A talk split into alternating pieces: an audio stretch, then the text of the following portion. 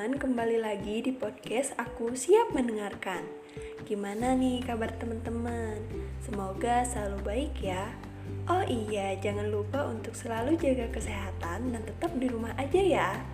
Nah, hari ini aku mau review materi perkuliahan dari mata kuliah metodologi penelitian kualitatif yang temanya tentang populasi dan sampel dalam penelitian kualitatif. Oke, sekarang kita masuk ke pengertian dari populasi terlebih dahulu. Jadi, populasi itu merupakan jumlah keseluruhan unit analisis yang akan diselidiki karakteristiknya atau ciri-ciri populasinya.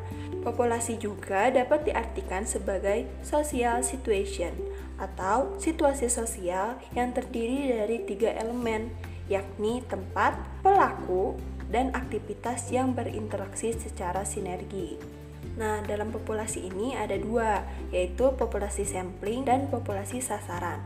Nah, contohnya populasi sampling itu kayak gini misalnya. Kita itu mau meneliti universitas negeri yang ada di daerah Jakarta dan ternyata ada tiga nih universitas negeri yang ada di Jakarta itu ada Universitas Indonesia, Universitas Negeri Jakarta, dan Universitas Islam Negeri Syarif Hidayatullah Jakarta. Nah, yang ketiga universitas negeri tersebutlah yang disebut sebagai populasi sampling. Nah, ada juga yang disebut sebagai populasi sasaran.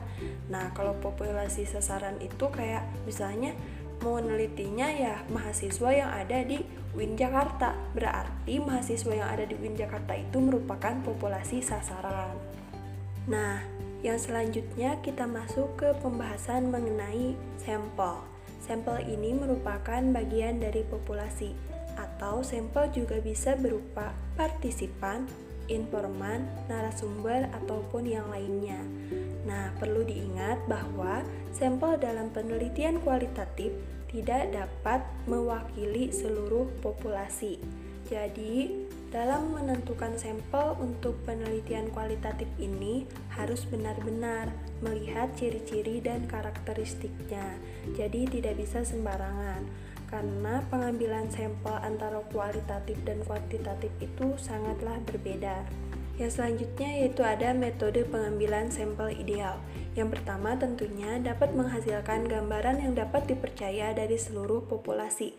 Yang kedua dapat menentukan presisi dari hasil penelitian dengan penentukan standar dari taksiran yang diperoleh dan sederhana sehingga mudah dilaksanakan, juga dapat memberikan keterangan sebanyak mungkin dengan biaya serendah-rendahnya. Dan dalam menentukan metode sampel harus memperhatikan hubungan biaya, tenaga, dan waktu serta tingkat presisi. Yang selanjutnya, ukuran sampel tergantung pada beberapa hal. Yang pertama yaitu derajat keragaman dari populasi. Jadi, apabila populasinya seragam, maka satu satuan elementer dari populasi sudah cukup representatif untuk diteliti. Apabila sebaliknya atau populasi tidak seragam, maka pencacahan lengkap dapat memberikan gambaran representatif. Yang kedua, tingkat presisi yang dikehendaki. Nah, apabila makin tinggi tingkat presisi yang dikehendaki, maka makin besar juga sampel yang harus diambil. Nah, semakin besar sampel yang diambil, maka semakin kecil pula kesalahan yang akan didapat. Yang ketiga yaitu rencana analisis. Nah, besarnya sampel ini selain sesuai dengan presisi, tetapi juga harus sesuai dengan kebutuhan analisis yang digunakan. Dan yang terakhir yaitu tenaga, biaya, dan juga waktu. Nah, ada beberapa prosedur pengambilan sampel. Yang pertama yaitu sampel ekstrim atau menyimpang. Jadi, pelajaran yang dapat dipetik justru dengan meneliti kondisi-kondisi khusus dan tidak biasa, baik untuk memahami fenomena tertentu ataupun untuk prestasi program tertentu. Yang kedua yaitu sampel berfokus intensitas.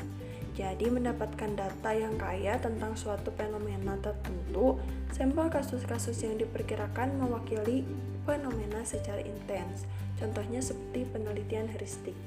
Yang ketiga yaitu sampel dengan variasi maksimum.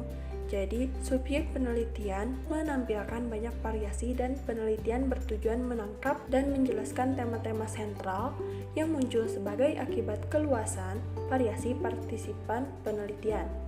Jadi di situ mengidentifikasi karakteristik yang berbeda dari individu-individu yang terlibat dalam fenomenanya. Yang keempat yaitu ada sampel homogen. Nah, sampel homogen ini itu kayak sejumlah kasus kecil homogen.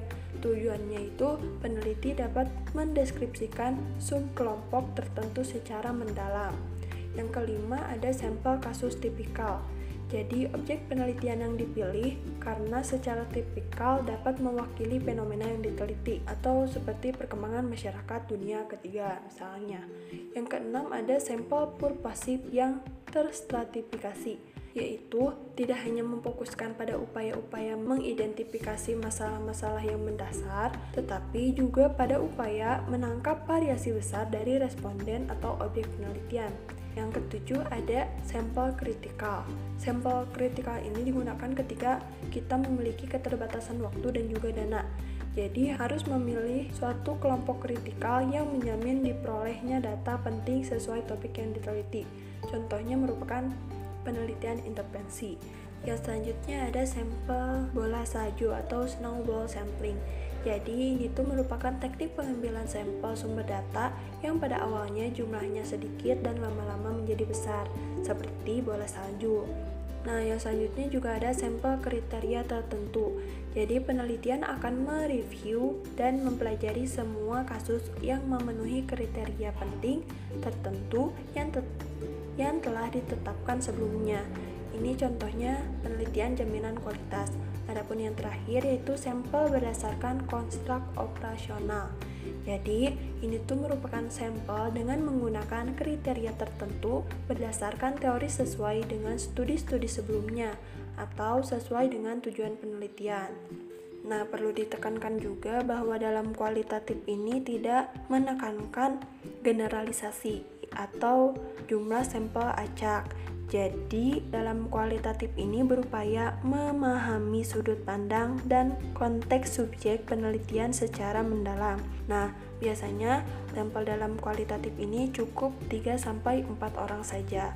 Nah, mungkin itu aja yang bisa aku sampaikan mengenai populasi dan sampel dalam penelitian kualitatif yang tentunya berbeda dengan penelitian kuantitatif. Semoga bermanfaat. Jangan lupa untuk selalu mendengarkan podcast Aku Siap Mendengarkan. Sampai jumpa di episode selanjutnya. Bye bye.